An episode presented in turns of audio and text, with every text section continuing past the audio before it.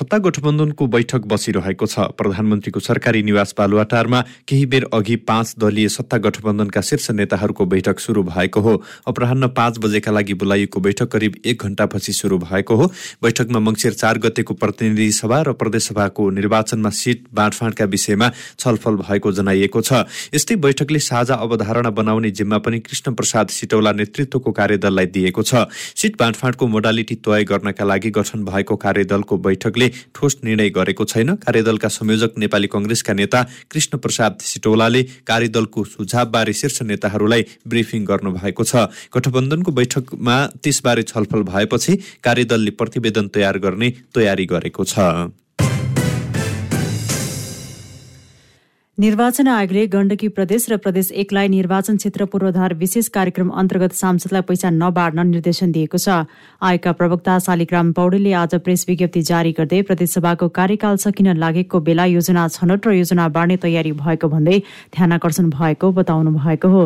प्रतिनिधि सभा र प्रदेशसभा सदस्य निर्वाचनको मुखमै गण्डकी र प्रदेश एकको सरकारको सांसद मार्फत बजेट खर्चन लागेका हुन्। कार्यकाल सकिन लागेका बेला अघिल्लो वर्ष जस्तै निर्वाचन क्षेत्र पूर्वाधार विशेष कार्यक्रम मार्फत बजेट दिन लागेको हो। प्रदेश एकमा कार्यविधि बनाएर संसदलाई योजना छनौट गर्न लगाइएको छ भने गण्डकीमा योजना बाँड्ने तयारी भएको छ। निर्वाचन प्रक्रिया सुरु भइसकेको अवस्थामा निर्वाचनको निष्पक्षतालाई असर पुग्ने गरी कुनै पनि कार्यक्रम सञ्चालन गर्नु स्वाभाविक मान्न नसकिने सकिने पनि आयोगको भनाइ छ।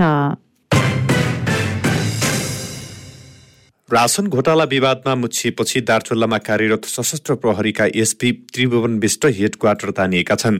सशस्त्र प्रहरीको चौवालिस नम्बर गढमा प्रमुखका रूपमा कार्यरत विष्टले सुरक्षाकर्मीलाई विदामा छाडेर राशनमा घोटाला गरेको आरोप लागेपछि उनलाई हेड क्वार्टर तानिएको हो। एसपी विष्टलाई जिम्मेवारबाट हटाएर सशस्त्र मुख्यालय हलचोकमा तानेर छानबिन सुरु गरिएको सशस्त्र प्रहरी स्रोतले जनाएको छ। गढमा दुई सय अन्ठाउन्नजना कार्यरत रहेकोमा एसपी विष्टले एकैपटकमा एक सय बाइसजना जनालाई विदामा राखेर अनियमितता गरेको आरोप लागेको छ।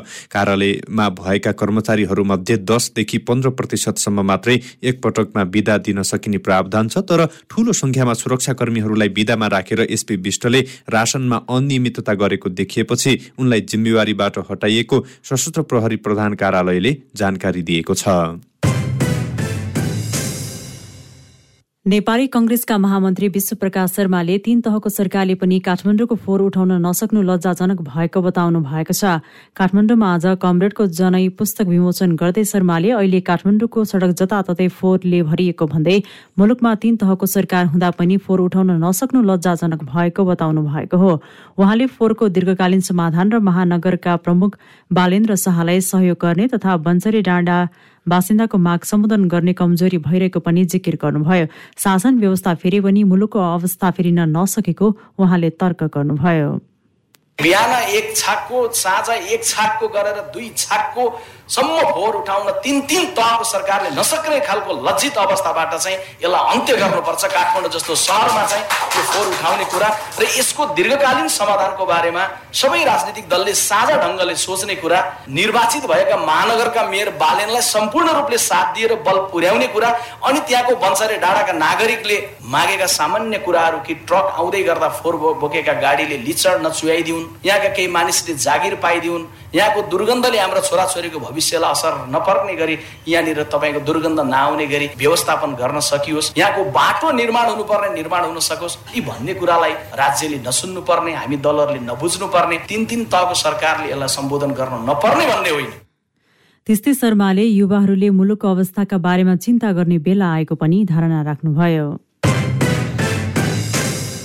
नेपाली कङ्ग्रेसका नेता प्रदीप गिरीलाई भेन्टिलेटरमा राखेर उपचार सुरु गरिएको छ। अस्वस्थ भएर ललितपुरको मेडिसिटी अस्पतालमा उपचाररत गिरीलाई आज भेन्टिलेटरमा राखेर उपचार सुरु गरिएको हो। उहाँ क्यान्सरको अन्तिम चरणमा रहनु भएको र अस्वस्थ अवस्था गम्भीर रहेको अस्पताल स्रोतले जनाएको छ। चिकित्सकका अनुसार गिरीलाई परिवारका सदस्य बाहेक अन्यलाई भेट्न दिइएको छैन। आजै दिउँसो कङ्ग्रेस नेता विमेलन र निधि अस्पतालमै पुगेर गिरीको स्वास्थ्य अवस्थाबारे बुझ्नु भएको थियो।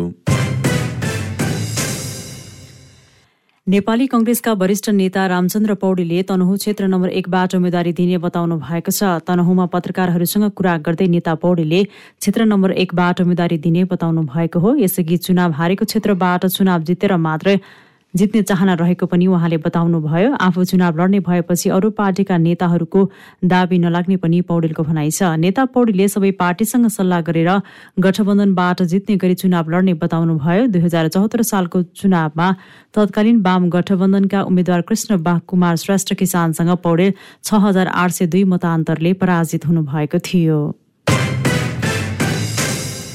नेकपा माओवादी केन्द्रका अध्यक्ष पुष्पकमल दाहाल प्रचण्डले पार्टीको भातृ संगठन वाइसिएललाई फौजको रूपमा प्रस्तुत हुन निर्देशन दिनुभएको छ। काठमाडौँमा आज योङ कम्युनिष्टका लागि वाइसिएलको दोस्रो भेलालाई सम्बोधन गर्दै उहाँले वाइसिएल शान्तिपूर्ण आन्दोलनको फौजको रूपमा प्रस्तुत हुन निर्देशन दिनुभएको हो। अध्यक्ष पुष्पकमल दाहालले कम्युनिष्ट आन्दोलनलाई एकीकृत र शक्तिशाली बनाउन वामपन्थीहरू एक हुनुपर्ने जोड दिनुभयो। उहाँले माओवादी नेतृत्वमा समाजवादी क्रान्ति गर्न दुनियाँको कुनै तागतले रोक्न नसक्ने र परिवर्तनका बाहकहरूलाई पन्छ्याएर मुलुकको विकास असम्भव रहेको जिकिर गर्नुभयो। अहिले सङ्घर्ष रथ भन्दा पद पाउनका लागि प्रतिस्पर्धा हुन थालेको उहाँको भनाइ छ। प्रचण्डले राष्ट्रलाई एकताबद्ध गरी सुशासन र विकासलाई इमान्दारीपूर्वक रूपमा अगाडि बढाउन युवाहरूको एकताबद्ध सहभागिता अनिवार्य रहेको जिकिर गर्नुभयो। विकास र समृद्धिको यात्रामा अगाडि बढ्ने जनताको विशाल फौज चाहिएको छ। हामी त्यही निर्माण गर्न चाहेका छौँ। माओवादी केन्द्र कम्युनिस्ट आन्दोलनलाई एकताबद्ध गर्न चाहेको छ। हामीले हिजो पनि देशको कम्युनिस्ट आन्दोलनलाई एकताबद्ध गरेर एउटा विशाल शक्ति सञ्चय गर्ने सपना हामीले देखेकै हो। देशमा कम्युनिस्ट आन्दोलनलाई एकताबद्ध गर्ने जनताको विशाल समाजवादी सेना तयार पार्ने उत्पादन वृद्धिको एउटा नयाँ अभियान सुरु गर्ने र समाजवाद निर्माण गर्ने सपना देखेको हो। प्रचण्डले पार्टीभित्र देखिएका विचलनलाई सुधार्नका लागि महत्वपूर्ण योगदान गर्न आग्रह गर्नुभयो। यसैबीच नेकपा माओवादी केन्द्रले केन्द्रीय पदाधिकारी चयन गर्न ढिलाइ गरेको छ। पार्टी कार्यालय कोटेश्वरको पेरिस डाँडामा आज बिहान बसेको माओवादी स्थायी कमिटी बैठकमा पदाधिकारी चयनका बारेमा छलफल भए पनि टुङ्गोमा पुग्न नसकेको प्रवक्ता कृष्ण बहादुर महराले बताउनुभयो। महराले भोलि दिउँसो एक बजे बस्ने बैठकले पदाधिकारीलाई अन्तिम रूप दिने पनि जिकिर गर्नुभयो। पदाधिकारी सम्बन्धी छलफलका विषय बाँकी नरहेको र अध्यक्ष दाहालको कार्यव्यस्तताले आज निर्णय गर्न नसकेको उहाँले भनाइराख्नुभयो। अहिलेसम्म हामीले मूर्त रूपले त ठुङ्गाएको छैन। भोलि एक बजे फेरि बस्ने गरी टुङ्गाउने भन्ने छ। छलफलका विषयहरू कुनै पनि बाँकी रहेन।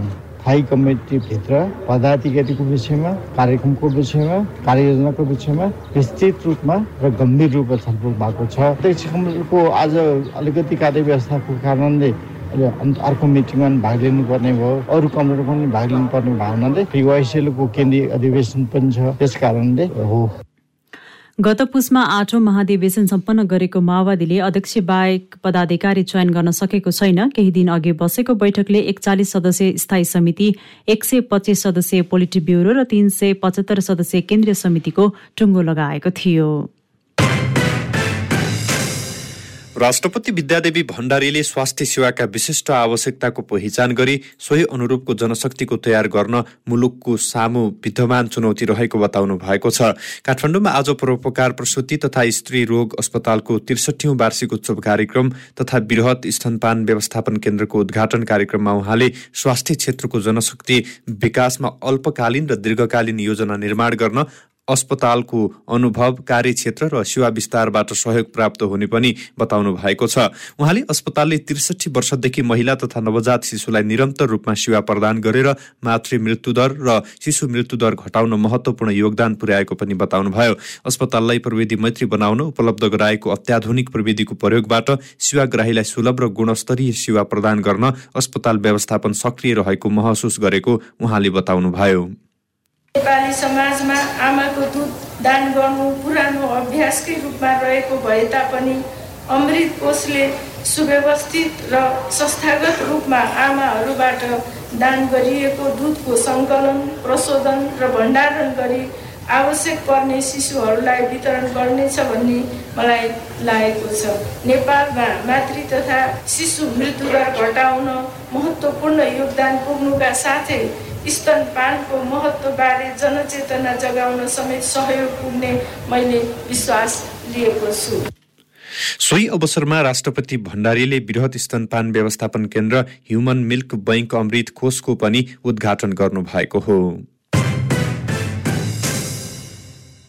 प्राज्ञिक विद्यार्थी परिषद नेपाल हिमाली जिल्लाहरूमा पनि सक्रिय भएको छ। परिषदले एघार हिमाली जिल्लाहरूमा शैक्षिक सामग्रीहरू वितरण गर्ने भएको हो। काठमाडौँमा पत्रकार सम्मेलन गर्दै परिषदले कक्षा एघार र बाह्रमा अध्ययनरत अठार सय दसजना विद्यार्थीहरूलाई बत्तीस लाख सत्ताइस हजार मूल्य बराबरको शैक्षिक सामग्री वितरण गर्न लागेको जानकारी दिएको हो। परिषदले सेवा कार्य अन्तर्गत शैक्षिक सामग्री वितरण कार्यक्रम दुई हजार उनासीमा सिन्धुपाल्चोक दोलखा रसुवा बझाङ ताप्लेजुङ मनाङ मुस्ताङ गोर्खा मुगु डोल्पा र हुम्ला जिल्लामा सामग्री वितरण गर्ने भएको हो। पत्रकार सम्मेलनमा बोल्दै प्राज्ञिक विद्यार्थी परिषदका राष्ट्रिय संगठन सचिव नारायण प्रसाद ढकालले यो वर्ष मात्रै नभएर विगत सत्ताइस वर्षदेखि नै परिषदले विद्यार्थी लक्षित शैक्षिक कार्यक्रमहरू वितरण गर्दै आएको पनि बताउनु भयो उहाँले निस्वार्थ रूपले विद्यार्थीहरूलाई सहयोग गर्ने परिषदको मुख्य उद्देश्य रहेको भन्दै भूकम्प र कोरोना पीडितलाई पनि सहयोग गरेको बताउनुभयो। सुदूरपश्चिम प्रदेश सरकारले गत आर्थिक वर्षमा एक अर्ब एकतिस करोड पञ्चासी लाख रुपियाँ राजस्व सङ्कलन गरेको छ। सरकारले लक्ष्यभन्दा साढे तेइस करोड रुपियाँ बढी राजस्व सङ्कलन गरे पनि सरकारको बजेटको आकारको तुलनामा राजस्व सङ्कलन निकै न्यून देखिएको छ।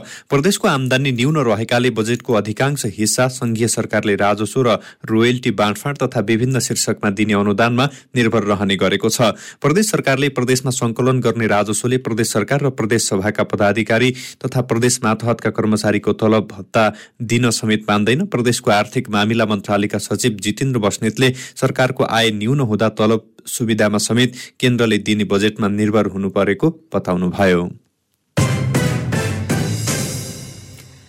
राष्ट्रपति विद्यादेवी भण्डारीले श्रीकृष्ण जन्माष्टमीका अवसरमा ललितपुरको पाटन स्थित कृष्ण मन्दिर गई भगवान श्रीकृष्णको पूजा एवं दर्शन गर्नुभएको छ। प्रत्येक वर्ष भाद्र कृष्ण अष्टमीका दिन राष्ट्राध्यक्षले पाटन कृष्ण मन्दिरमा पूजा एवं दर्शन गर्ने परम्परा रहिआएको छ। सो अवसरमा राष्ट्रपति भण्डारीले मन्दिरका पुजारीबाट फूल एवं प्रसाद पनि ग्रहण गर्नुभएको थियो। सत्रौं शताब्दीमा राजा सिद्धि नरसिंह मल्लका पालामा निर्माण भएको सो मन्दिरमा श्रीकृष्ण जन्माष्टमीका दिन विशेष मेला लाग्ने गर्दछ। किम्बदन्ती अनुसार अनुसार महादेव मन्दिर बनाउन राखिएको जग्गामा सपनामा भगवान श्रीकृष्णले मन्दिर बनाउन भनेपछि राजा सिद्धि नरसिंहले खन्न लाउँदा जमिन मुनि कृष्णको मन्दिर फेला परेको थियो। त्यसपछि तल कृष्ण र माथि शिव मन्दिर स्थापना गरिएको संस्कृतविदहरूको भनाइ छ। विद्यालय कर्मचारी परिषदले आज माइतीघर मण्डलामा धरना दिएका छन्। सरकारले आफ्नो माग सुनाइ नगरेकाले आज माइती घरमा धरना दिएको उनीहरूले बताएका छन्। परिषदले हिजो केन्द्रमा तालाबन्दी समेत गरेको थियो।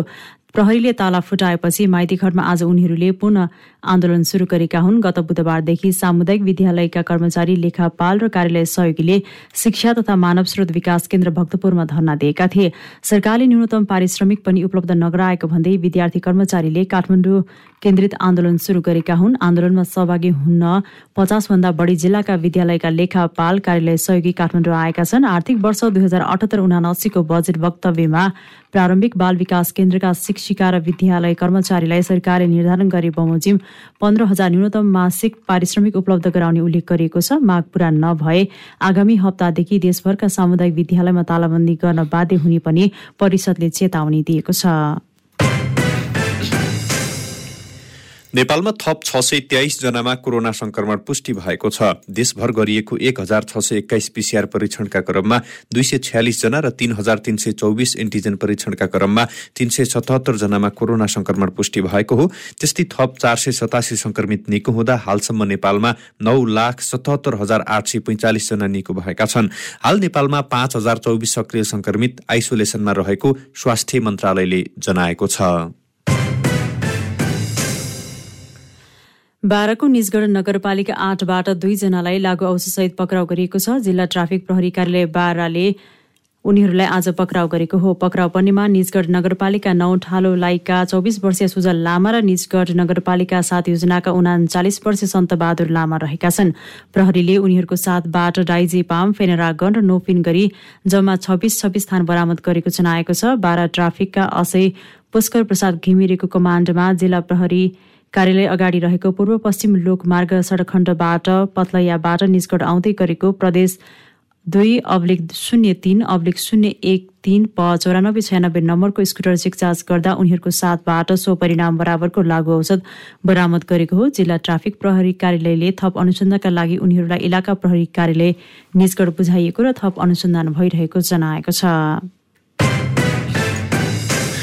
आर्ट व्यवसायीको साझा संगठन नेपाल आर्ट व्यवसायी संघले महोत्तरीमा जिल्ला कार्य समिति विस्तार गरेको छ।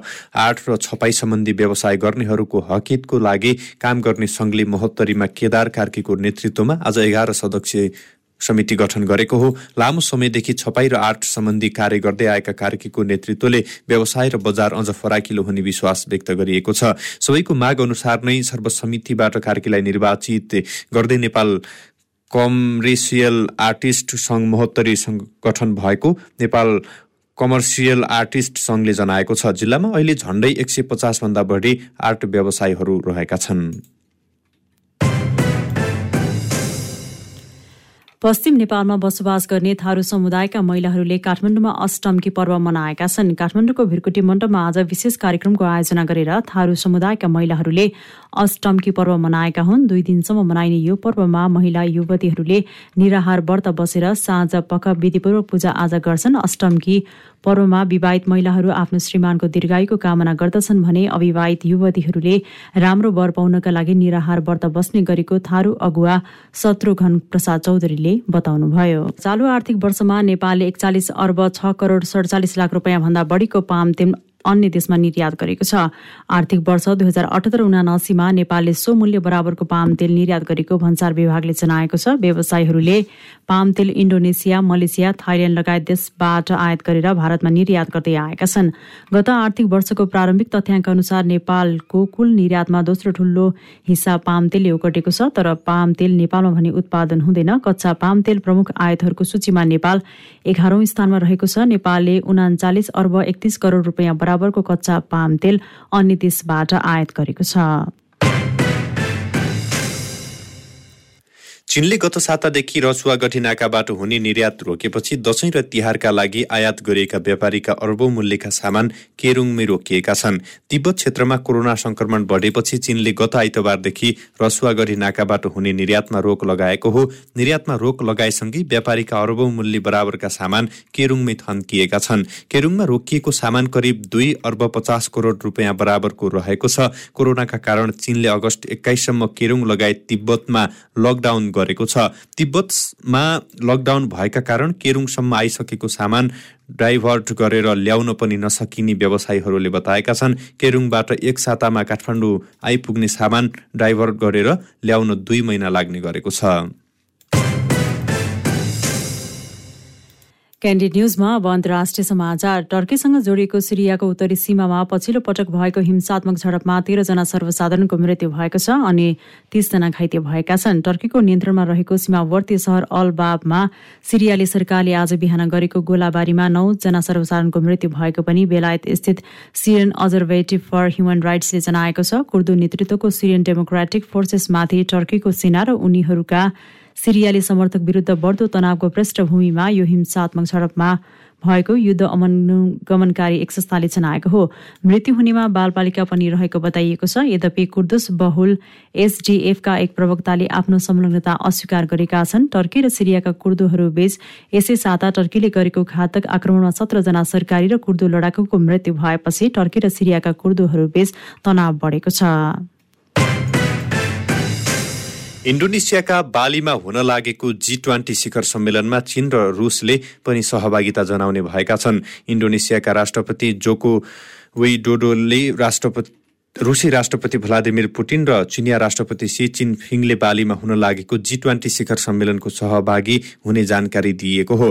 पछिल्लो समय अमेरिका र चीनबीच ताइवान विषयलाई लिएर तनाव बढिरहेको समय यो उच्च स्तरीय सम्मेलन हुन लागेको हो। चीन र अमेरिका बीच व्यापार मानव अधिकार ताइवान लगायतका विभिन्न विषयमा द्वन्द्व हुँदै आएको छ। यता युक्रेनमा जारी युद्धले अमेरिकी नेतृत्वको पश्चिमी समूह र रुस बीच दरार बढाएको छ। अमेरिका र पश्चिम मुलुकहरूले रुसी नेता पुटिनले युक्रेनमा एकतर्फ एकतर्फी रूपमा युद्ध चलाएको बताउँदै उनी सहभागी मञ्चलाई आफूहरूले बहिष्कार गर्न सक्ने बताउँदै आएका छन्। तिनै मुलुकका केही नेताहरूले भने जी ट्वेन्टी सम्मेलनमा नगएर रुस र चीनलाई एकतर्फी आफ्ना कुरा राख्न दिनुहुने बताउँदै सम्मेलनमा सहभागिता जनाउनु पर्नेमा जोड दिँदै आएका छन्। क्यान्डिड न्युजमा अब खेलकुदका समाचार। अन्तर्राष्ट्रिय क्रिकेट परिषद आइसिसीले दुई हजार चौबिसको आइसिसी अन्डर नाइन्टिन विश्वकप क्रिकेटको रोड म्याप सार्वजनिक गरेको छ। यस विश्वकपमा सोह्र राष्ट्रले सहभागिता जनाउनेछन् प्रतियोगितामा सहभागी सोह्र टीम मध्ये एघार टीमको छनौट भइसकेको छ। बाँकी पाँच टोलीको भने छनौटबाट आउनेछन्। वेस्ट इन्डिजमा भएको अन्डर नाइन्टिन विश्वकपमा शीर्ष एघारमा रहेका टीम आगामी विश्वकपका लागि छनौट भइसकेका छन्। छनौट हुने एघार मुलुकमा भारत पाकिस्तान श्रीलङ्का बंगलादेश इङ्ल्याण्ड अस्ट्रेलिया अफगानिस्तान दक्षिण अफ्रिका वेस्ट इन्डिज आयरल्याण्ड र जिम्बावे रहेका छन्। पाँच टोली भने एसिया अफ्रिका युरोप अमेरिका र इस्ट एसिया पेसिफिकबाट समान एक टिम रहनेछन्। स्पेनिस ला लिगामा आज दुई खेल हुँदैछन्। आज राति पाउने बाह्र बजे सुरु हुने पहिलो खेलमा स्पान्योल र रायो भालेकाले प्रतिस्पर्धा गर्नेछन्। स्पानियोलको घरेलु मैदानमा दुई टोली बीचको खेल हुनेछ। पहिलो खेलमा बार्सिलोनालाई गोलरहित बराबरीमा रोकेको भालेकानो दोस्रो खेलमा तीन अङ्क जोड्ने दाउमा हुनेछ। पहिलो खेलमा सेल्टा भिगोसँग दुई दुईको बराबरी गर्दै अङ्क बाँडेको स्पान्योलले पनि आजको खेल जित्न चाहन्छ। आजै राति पाउने दुई बजे हुने अर्को खेलमा सेभिया र रियल भालाडो लिड भिड्ने भएका छन्। पहिलो खेलमा पराजित भएका दुवै टोली जित्नका लागि मैदान उत्रिनेछन्। सेभिया पहिलो खेलमा ओसासुनासँग दुई एकले पराजित भएको थियो भने रियल भाला डि भाला डोलिड पहिलो खेलमा भिल्ला रियलसँग तीन शून्यले पराजित भएको थियो।